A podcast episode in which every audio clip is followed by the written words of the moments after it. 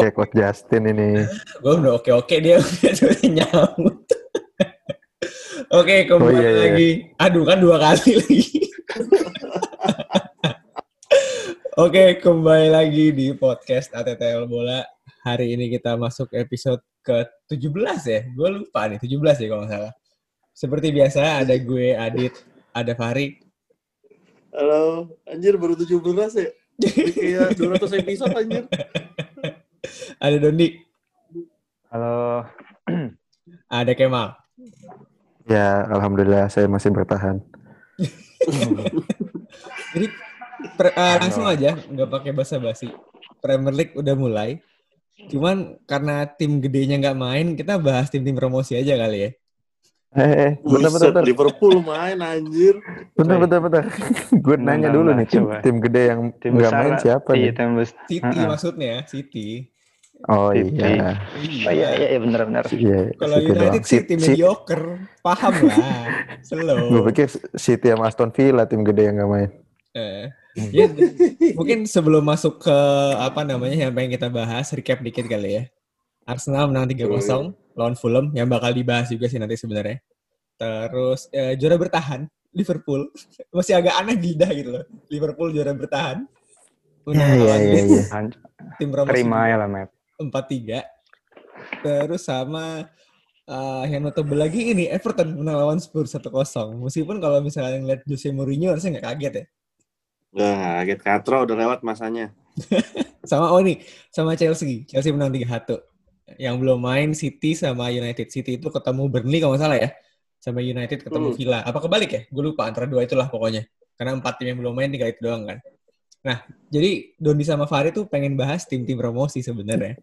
Ya kan? Jadi ada Leeds, ada eh, Leeds itu kan by the way favorit semua orang ya, gara-gara Bielsa Mau kan. bahas Leeds sih sebenarnya karena biasanya. Ya kan? Cuma, Terus kayak kalau Leeds kan sempit banget. Ya udahlah bahas Kalian lah promosi. yang lainnya lah. Eh, Ya, ya. Terus ada Fulham sama ada kok gue lupa satu lagi apa ya yang promosi ya? West Brom, West Brom. West Brom. ya? Brom. West Brom. Oh, iya. Oh, West Brom kalah sama Leicester 3-0. Iya, Hmm. iya itu juga nggak lama Iya. paling napasnya di Premier League itu. Jadi kan Agustus juga Hmm. udah, eh Agustus, Oktober juga udah Nah, ketahuan degradasi September. lagi. jadi gini, sebelum mulai, jadi intinya adalah gue nggak akan banyak ngomong karena gue nggak nonton. Cuman sebagai penikmat fantasi, jadi gue ngikutin skornya aja. Basically source gue bola dan kalau misalkan teman-teman yang denger ATTL Basket juga dari Abi doang, dia agak bacot juga soalnya. Oke, jadi kita mungkin yang paling pendek yang mana dulu nih? Fulham dulu apa West Brom dulu? Leeds dulu aja lah, sekalian West panjang Brom. langsung. Langsung lihat sekalian. Ya udah, oke. Hmm. Siapa yang mau buka? Fahri, Dondi, silakan. Kemal Wah, gua- sih, eh Kem- Kemal Dondi lah itu kan lawan timnya mereka. Iya, iya. Oh, silakan.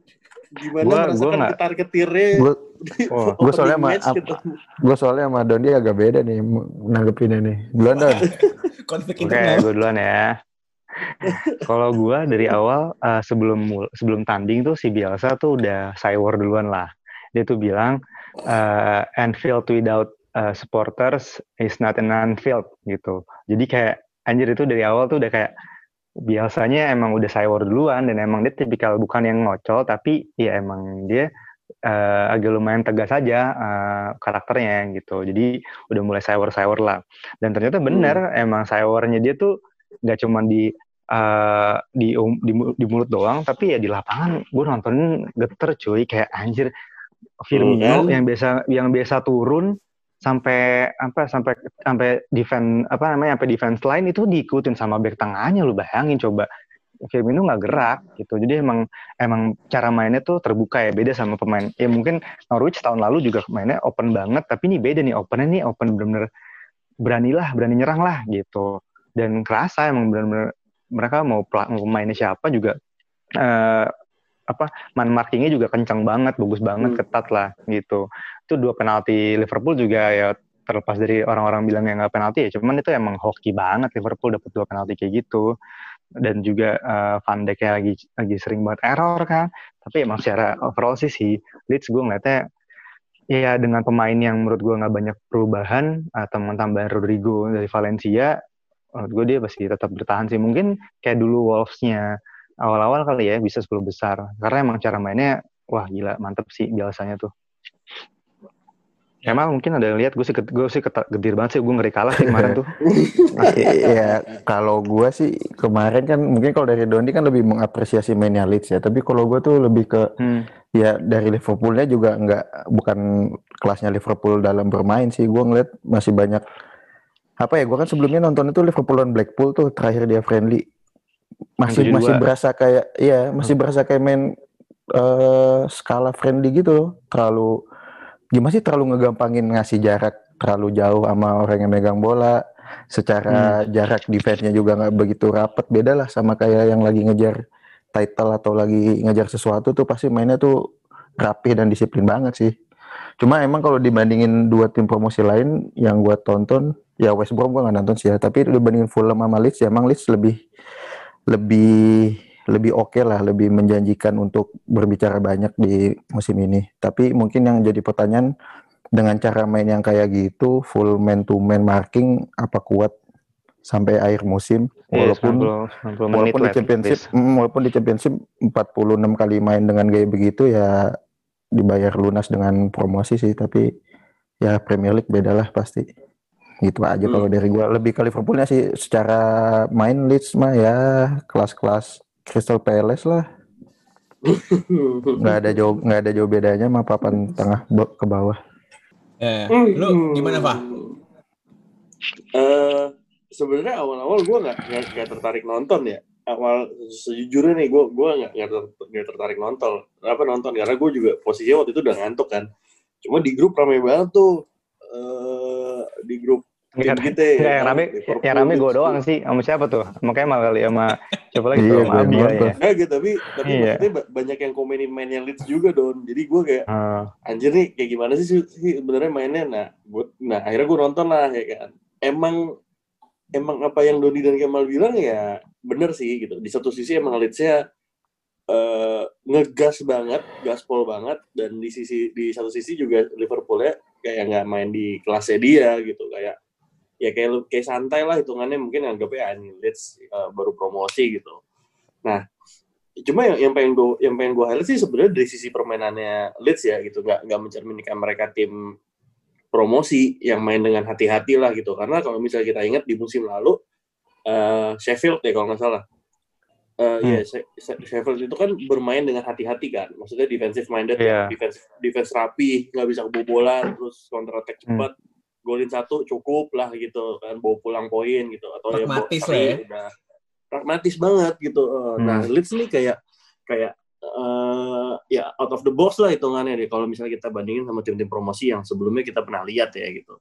Nah kalau misalnya dia misalnya dibandingin kayak tadi Don dibilang dibandingin sama Norwich di tahun lalu menurut gua Leeds ini lebih terorganisir sih Don hmm. Maksudnya dari dari sisi main, dari sisi apa ya, pokoknya dari sisi taktikalnya mereka lebih rapih nerapinnya dibanding Norwich di musim lalu ya gitu kayak ya Norwich pengen full full full press, full apa full man to eh, marking gitu, main marking cuma ya kagak ada kayak nggak ada komunikasinya mainnya gitu. Sementara si Leeds komunikasinya bagus, apa terorganisir dan counter attack-nya sih yang kalau gue lihat rada-rada gokil gitu.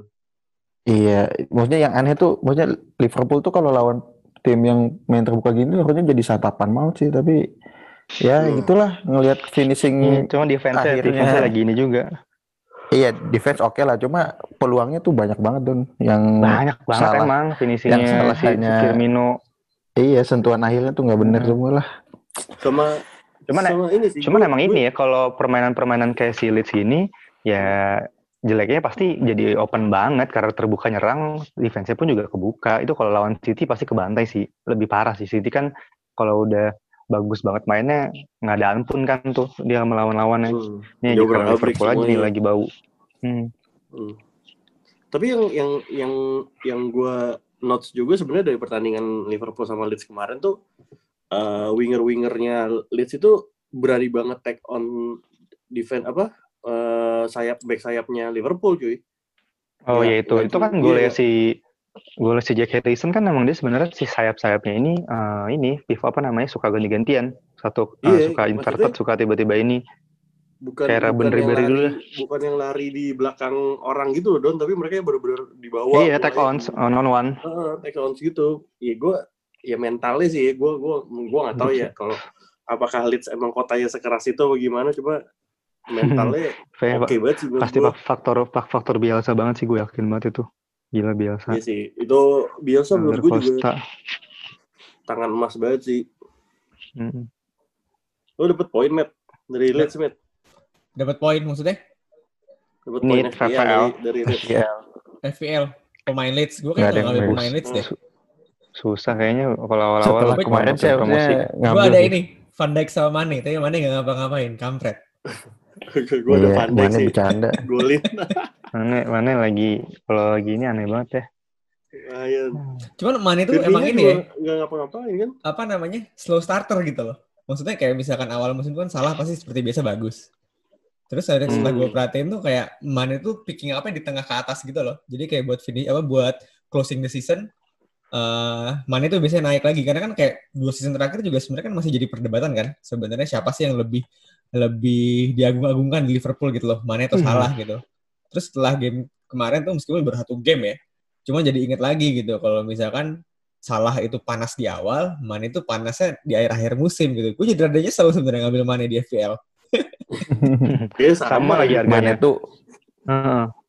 Mane tuh kudu dikeplak dulu. Kalau musim lalu kan maksudnya di, di- diganti di saat dia nggak mau diganti kan, habis itu dia baru tuh ngegas. Harus digitu, harus disentil dulu gitu. Masalahnya kan sekarang nggak ada, maksudnya mereka diandelin untuk nyari poin. Kalau gua jadi klub sih mending gua taruhin cadangan dulu lah biar kapok. Main begini mah. Minamino bisa. Origi bisa, Brewster bisa.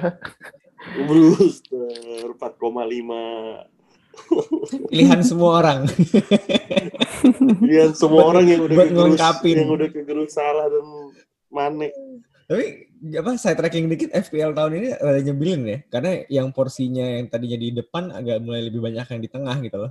Kayak Aubameyang geser kan dari depan ke Iya, tengah. iya. Iya, jadi jadi yang di yang depan tuh jadinya Jadi ya, pilihannya Biasa-biasa aja dikit, gitu. Jelek-jelek tapi mahal langsung. Iya. Heeh. Be- beda banget lo apa yang yang yang first class striker sama yang second class striker tuh langsung jomplang banget harganya. Cuman enaknya ini Hmm. di, di tengah tuh lo jadi punya kalau misalnya mereka pada golin tuh angkanya langsung naik tinggi banget kan. Iya.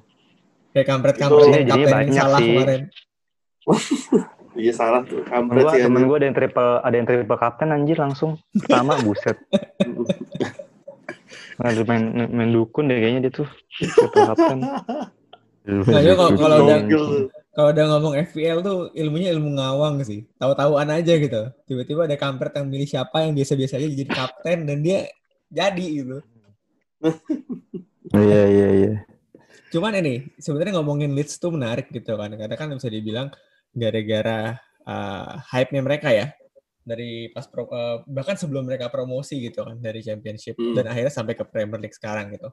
Gue nggak tahu, gue pengen nanya, uh, nggak harus ada yang bisa jawab sih. Calvin Phillips ada yang merhatiin nggak sih? Karena orang ini bener-bener hype-nya gila-gilaan gitu. Dari kalian yang nonton, Gua gimana dia kemarin? gua nggak tahu sebelumnya sih apa di championship gimana. Cuman kemarin dia uh, pas main Liverpool tuh kemarin siapa yang ngomong di grup ya kayak Pirlo banget lah. Bener-bener ngatur uh, ke kiri ke kanan Iya. bolanya itu kan gol gol pertamanya Leeds kan umpannya dia tuh ke Iya. pinggir. Umpannya wah bener-bener on, presisinya gila sih. Dan emang formasinya dia kan 4-1-4-1 ya. Jadi kayak Hmm. si uh, siapa siapa namanya? Lupa gue Calvin Phillips. Phillips ya. Iya, Ya, Phillips itu benar-benar ya di benar jadi kayak play, playmaker Di di, depan di di di eh, di playing playmakernya mantap banget sih. Tapi gue nggak ngeliat secara defensi gimana ya. Karena kan emang kebobolan 4 juga kan. Hmm. Cuman secara ofensif sih ya dia bener ngatur di belakang untuk ng- ngalirin bola ke depan gitu. Jadi bener di playing eh, playmaker banget. Bagus sih menurut gue si itu. Bakal jadi tumpuan banget sih. Ya. Sama satu lagi nih. Kayak uh, Jorginho. agak Coba. nyambung yang sama yang Kemal bilang tadi gitu kan levelnya level Crystal uh, Crystal Palace jadi kebetulan uh, tadi gue sempat baca beberapa artikel yang intinya poinnya kurang lebih sama adalah Leeds tuh nggak jelek cuman ya lu bayangin levelnya kayak tim championship main di Premier League gitu. Jadi mungkin kayak misalkan di odd occasions ketemu tim-tim gede main all out bagus. Tapi kalau misalnya ketemu tim sepantaran masih bisa digoblok-goblokin juga gitu. Nah dari game kemarin tuh yang kalian lihat itu sesuai nggak sih yang diomongin itu? Hmm, Hmm. Mana mau? sesuai nggak ya? Ya Ya, ya gue sih pasti akan, maunya dari pertandingan kemarin gue penasaran akan nonton Leeds lagi khusus sih di game week 2, apalagi lawan Fulham kan nanti nih. Dua Hmm. ya derby tim promosi, jadi kelihatan di situ sih harusnya gimana. Kalau cuma kalau dari kemarin lawan Liverpool ya ya boleh lah, cukup cukup menjanjikan lah, walaupun nggak yang istimewa tapi Hmm. Gila gimana, Pak? Eh, kalau gue sebenarnya ada kurang setuju sih. Maksudnya kalau lu menyamakan Leeds dengan Crystal Palace ya gitu. Karena historia Leeds jauh lebih gede dibanding Crystal Palace. Tapi karena gini, eh, secara nggak langsung juga itu sebenarnya ngebantu sebuah tim juga sih gitu. Kayak ya lu pasti dari dari dukungan dari supporternya yang lebih gede, terus juga kayak harapan supporternya juga. Dan sekarang kan menurut gue secara finansial backup juga Leeds lebih seharusnya lebih oke ya gitu. Dan dia juga udah digodok kan bermusim-musim dengan Bielsa dan bermusim-musim di divisi bawah tuh pasti yang mana menurut gue mainnya sebenarnya lebih lebih katro dibanding IPL gitu. Bukan bukan katro secara secara jelek mainnya ya, cuma ya lu Kelasnya beda lah. Ha. Gabrak-gabrakan kakinya lebih keras seharusnya kalau di bawah. Gitulah maksud gua tuh. Jadi menurut gua seharusnya ya dia bisa survive gitu. Tapi emang ya paling menurut gua mungkin dia dia akan menjadi seperti Wolf atau eh, Sheffield. Lah ya paling enggak gitu. Eh, jadi bertahan di papan tengah dulu terus ntar baru awal baru akhirnya improve apa rekrut pemain baru pemain baru pemain baru sampai akhirnya bisa masuk ke zona Europa League gitu. Tapi promising banget sih menurut gue Leeds ini. Ya, ya, ya. Jadi kita lihat aja. Berarti Leeds kemungkinan bisa bertahan ya di Premier League ya? Nggak kayak dua Bertahan. tim Menurut gue yang bertahan lain ya? sih. Bertahan, bertahan. Udah, eh satu satu lagi ya kalau kalau- kalau gue lihat dari gue gua gua kalau gue lihat dari uh, penikmat sepak bola Indonesia nih ya, terutama yang doyan-doyan Liga Inggris, mereka tuh banyak yang berharap walaupun mereka bukan fans Leeds tapi banyak berharap Leeds uh, promosi dan bisa bertahan gitu di musim kemarin ya gitu. Karena ya mungkin dari sisi biasanya dari sisi permainan juga mungkin oke gitu. Jadi ya bisa kasih warna lebih lah mungkin di Premier League menurut gue sih. Ya, ya, ya, ya, ya. Jadi Leeds oke ya. Kita geser dikit nih. Mending Fulham dulu, mending West Brom dulu. Mana yang lebih katro? Ful- Fulham aja kan besok lawan Leeds juga tuh sekalian. Hmm, gimana Gimana, Mak? enak. Sekalian kan lo yang buka nih. Ya ini kebetulan asli. kebetulan gue nyariin Fulham karena gue juga nonton Fulham sih kemarin. West Brom gue nggak nonton. Kalau Fulham sih ya gimana ya kemarin lawan Arsenal kan eh masih belum jelas. Gue tuh ngeliat kan yang gue tau Fulham itu kan adalah kawasan di London yang isinya orang-orang elit ya orang Ya, kaya. Lu bisa lihat dari iya lu bisa lihat dari gaya pakaian si Scott Parker aja udah kayak Eh Intel mana gitu kan rapi banget. Hmm. Cuma- Stadionnya katro tapi mal, woi. Stadionnya lagi di- Stadion iya, di lagi- tengah-tengah. Stadion Lagi ini ya, lagi mau lagi direnov itu dia di pinggir danau banget cuy, di pinggir sungai banget Iya. itu. Iya, lagi iya. direnov. Yang yang yang bench pemain tuh udah nggak ada belakangnya kan? Iya, Iya gitu. iya. Lagi direnov. Ya gue ngeliat dia kayak ngeliat kalau di SMA tuh kayak ngeliat PL main gitu loh yang isi isinya orang-orang tajir tapi menang gaya doang. tapi mainnya mainnya nggak jelas. Ya walaupun materi pemainnya lebih kalau menurut gue lebih oke daripada Leeds dan West Brom sih seharusnya. Iya. Tinggal ya tinggal gimana Scott Parkernya aja sih. Tapi kalau gue bilang bertahan sih kayaknya bertahan cuma susah payah kayaknya. Itu aja lah. Hmm. Kalau Iya, iya. kalau kalau gue ngeliatnya ini sih mal eh, Arsenal kemarin emang world class banget sih mainnya. Jujur ya, Iya, Gua jujur gua gue kalau misalkan Arsenal iya ngeliat Arsenal mainnya Arsenal. tuh serapih itu gitu. loh. rapi banget cuy. Main 3-4-3 dan semuanya kompak banget pergerakannya gitu. Nah, kalau misalnya lu beneran Iya. nonton, eh, lu bisa perhatiin bahwa mereka tuh selalu selalu ngebentuk triangle-triangle gitu. Jadi umpan ke mana-mana gampang banget kayak ya bener-bener kucing-kucingin si pemain Fulham gitu loh. Dan Hmm. ya terutama Williamnya sih, Williamnya gacor banget gitu. Dan ya udah, ya nggak bisa apa-apain juga deh Fulham intinya kayak gitu. Iya, gue gue sepakat sih sama Farid. Gue kan ngeratin Arsenal main gara-gara pertama ya gara-gara ini Community Shield kan. Community Iya. Shield. Oh enggak enggak enggak. Dari sebelum season abis tuh gue inget banget gue ngeratin Arsenal, FA Cup dan sebelum-sebelumnya tuh dia formasi itu eh, kalau bertahan dia pasang 3-4-3 dengan si Tierney-nya itu jadi kayak LCB. kalau nyerang tuh transisi langsung si eh, siapa TRD-nya tuh jadi LB, eh, terus Maitland Maitland Niles jadi eh, L- LM, si Abu Umayyah itu agak kayak maju lagi lah gitu. Dan itu transisinya menurut gue bagus banget. Dan eh, kalau lu kemarin ada tuh satu twi- satu akun Twitter yang dia bener-bener eh, nge- ngebandingin golnya Aubameyang eh, versus Liverpool pas Persis, ya. Shield sama persis mal sama pas Iya, kemarin iya. golnya yang lawan si Fulham. Jadi kayak bener-bener dari belakang mainnya Arteta bola bahasanya. Jadi bener-bener kayak hafalannya hampir, hampir sama posisinya walaupun beda pemain dan beda beda beda meter dikit cuman sama skemanya. Jadi kayak dari belakang terus dari kanan langsung ke Aubameyang Aubameyang uh, take on sekali langsung uh, flashing wah itu cakep sih gitu. Nah, jadi emang kalau Fulham sih gue lebih ngeliatnya uh, dia sial aja ketemu Arsenal pertama gitu.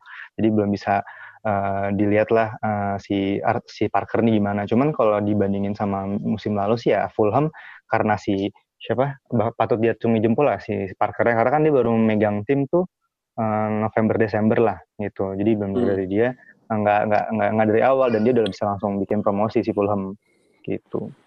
Menarik Tapi sih si Fulham ya yang menarik sih Fulham sebenarnya kalau lu inget dia terakhir kali promosi ke IPL kan jor-joran tuh beli pemain. jor-joran nah dia nggak mau Ada gitu. mengulangi hal yang sama nih kayaknya nih Nah, entah nggak mau nggak mau mengulangi mengulangi entah nggak ada duit lagi iya, ada ternyata duit mainnya lagi. sama aja cuy, mending tabung-tabung dia tuh duit anjir masukin investasi Nah. di saham BBCA anjir.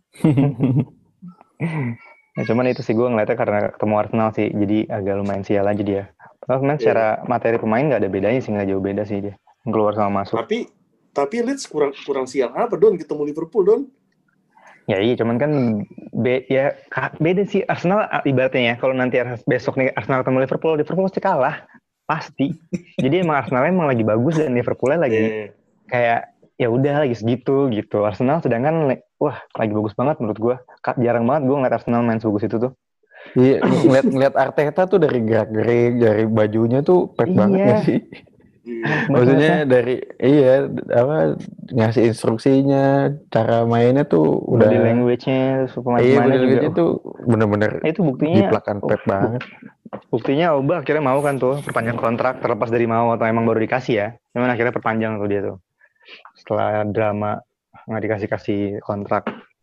Nah, Kan Arteta Ball kayak gitu tuh Met. Oleh Ball gimana Met? Oleh Met. ntar kita lihat aja. Lu lihat ini nggak kemarin apa namanya cuplikannya Rashford sama Donny van de Beek banyak gaya pas lawan Villa.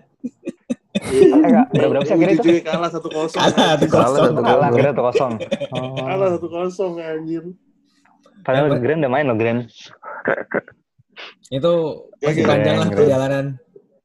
Enggak itu itu sebenarnya bukan bukan ajang friendly sih menurut gue sih lebih kayak ke Pemanasan justifikasi ke aja fans. biar nggak. Kagak itu justifikasi Celana gue bagus, celana gue bagus. celana gua kalau bagus. Kita pakai celana hitam, baju gue bagus nih gitu. Iya. Iya, Tapi biar gue sedikit kecewa itu celananya bukan yang seperti yang di awal di ini ya, yang di Tapi hitam bagus sih. Tapi kalau pakai hitam Oh, jadi hitam, keren. hitam bagus sih. Emang keren. Tapi setahu gue emang, emang ada regulasi sih kalau celana nggak boleh, Nggak boleh warna-warni kan, iya ya. nggak boleh warna-warni. eh. jadi Iya. ya cukup sampai baju aja gitu. Cuman gue mau sedikit geser balik ke tadi Arsenal Fulham ya. Gue kebetulan ada beberapa temen gue yang fans Arsenal gitu kan. Udah agak lama sejak melihat mereka jumawa gitu.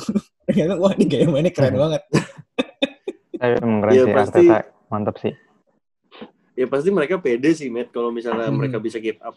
Apalagi mereka ngeliat permainan kemarin lawan Fulham ya. Iya, Hmm. gue yakin mereka sih pede banget kalau misalnya ya at least tiga besar lah gitu. Kalau misalnya mereka bisa bisa keep up dengan pemain yang sehat terus-terusan sampai akhir musim dan permainan kayak gitu. Cuma kan Arsenal kita tahu kan, Nah mendekati itu, Desember, nah problemnya muncul tuh banyak ya kan. itu pertanyaan Yang yang mau gue sampaikan kalau sebenarnya. Auba kalau Auba cedera sih kelar sih kalau Auba cedera mereka nggak pelapisnya tuh eh, jauh banget gitu. Walaupun Pepe. pemain muda Bukayo. Saka, woi. Oh Kalau iya, kata ada Saka jauh. Jauh itu jauh Buset, nomor 7, Jauh. Don. Jir. jauh itu. Yang eh yang bikin pede sebenarnya. yang, bikin pede kemarin tuh karena ngelihat oh backnya aman lah, oke gue bisa fokus bangun serangan. iya nggak ada Iya. mm, nggak ada si David Luiz. Juga Gabriel tembok Tapi banget. Tapi si Gabriel kelas sih.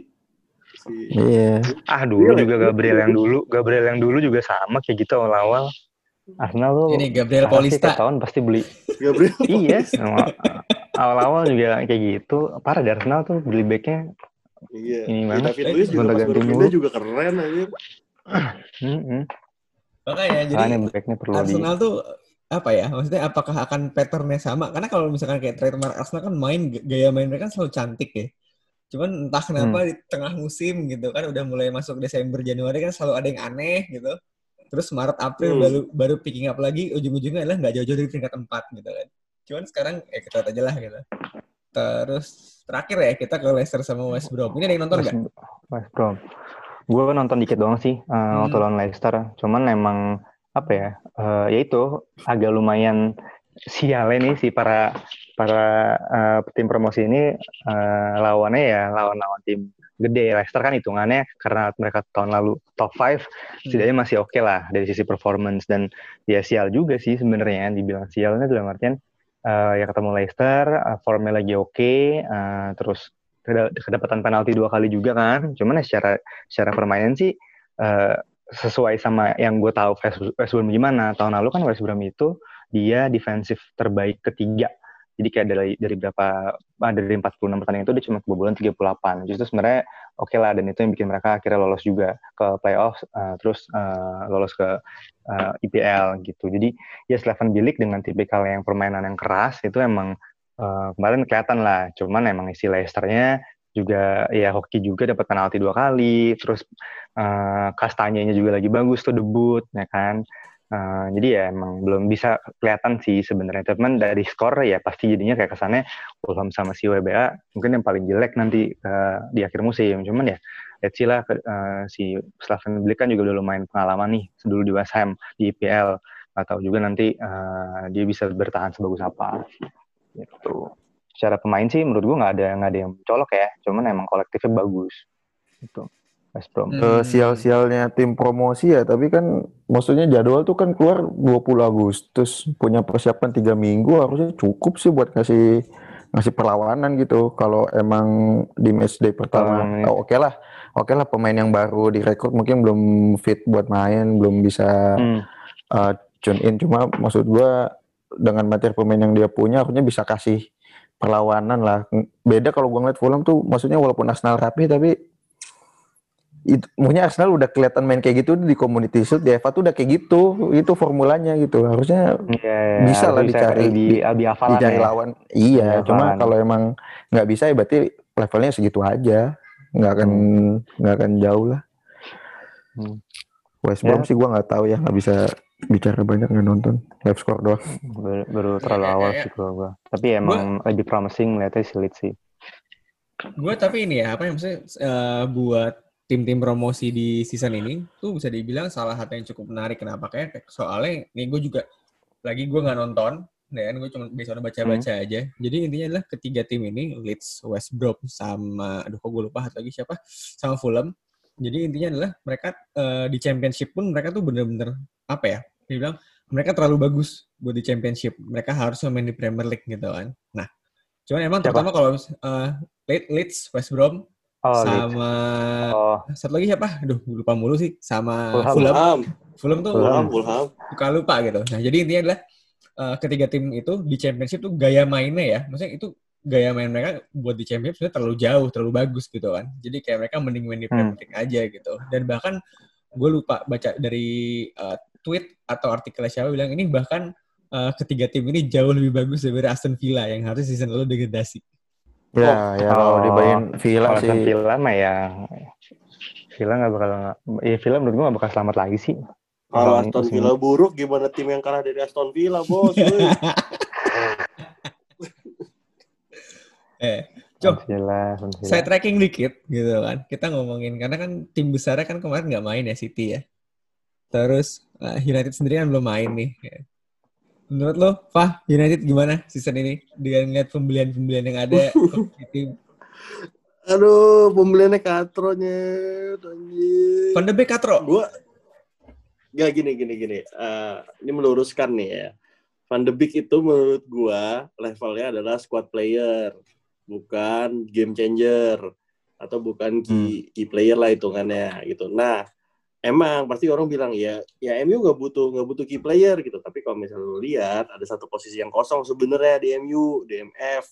DMF yang beneran key player. Maksud gue key player tuh DMF yang kayak Kante ya gitu, yang beneran beneran fighter lah gitu. Nah itu tuh MU gak ada di situ. Lu mau mau naruh siapa matik di situ ya buset deh. Ngap-ngapan itu paru-paru Ya. udah kepala tiga pak. Tapi ya ya gue nggak tahu sih menurut gue ya emang secara MU kan masalahnya emang skuadnya nggak nggak nggak dalam Hmm. bukan bukan nggak dalam nggak dalam itu dalam arti bahwa kayak tadi Kemal bilang jomplang kayak Arsenal gitu eh Kemal Pedondi gitu ya, di- ya sama lah MU juga kayak gitu cuma Van de Beek menurut Hmm. gue dengan harga segitu nono sih gue sih Gue Dono kalau ya? gue lebih ke ngelihatnya, gue sepakat sih sama Fahri. Gue lebih ke ngelihatnya Van de Beek tuh le- lebih ke offensive minded. Sedangkan eh, MU tuh offensive player udah banyak cuy. Gitu. Nah, Jadi iya, emang itu. harusnya harusnya nyarinya yang defensif yang kasarnya eh, Chelsea punya Kante, Arsenal punya eh, siapa? Eh, Gondozi misalkan. Terus si dulu Everton, eh sekarang Everton punya si Alan. Ya kan? Jadi Hmm. emang butuh ya Liverpool dengan Fabinho rotasi Fabinho Henderson dan Wijnaldum tuh menurut gue udah aman sih gitu jadi Hmm. ya emang sih menurut gue kayak Van de Beek tuh bukan bukan pembelian yang cocok tapi ya mungkin eh, yang untuk saat ini yang di pasar ada ya mungkin itu gitu Alan sih nyet Alan kelas banget sumpah Everton Alan keren sih, Alan bangke keren, bangke Ini Alan faktor. Ancelotti. Eh, Everton Tapi ngikutin Everton tuh bakal menarik ya. Maksudnya terlepas mereka punya Hames, punya Alan juga sebenarnya yang gue sangat tertarik sama Lukas Digne sih. Karena kan yang awalnya di Barca tuh nggak jadi apa-apa. Bahkan bisa dibilang kayak orang mungkin nggak banyak yang ingat kalau di Barca kan. Di Everton tuh dia kayak mengembalikan karirnya. Apalagi setelah Baines confirm pensiun kan. Yang di mana season lalu kan Iya. masih bisa dibilang masih Enggak, dia. ganti-gantian lah gitu. Sekarang kayak itu udah full punya dia gitu. Hmm. sama sama sama kasusnya kayak ini met Yerimina met Kayak siapa? Yerimina Yerimina. Yerimina Andre Gomez kayak Hmm. kayak di revive lagi semua Ya. di Everton Jadi bakal bakal apa jadi dark horse sih. Bener menarik banget ngeliat Everton gitu. Hmm. ya semoga eh, tim terbaik di semoga Everton tetap di bawah Liverpool lah itu aja satu doanya Semoga apa MU di atas tim terbaik di Liverpool, Liverpool. tetap yang penting jangan Everton yang di atas Liverpool lah.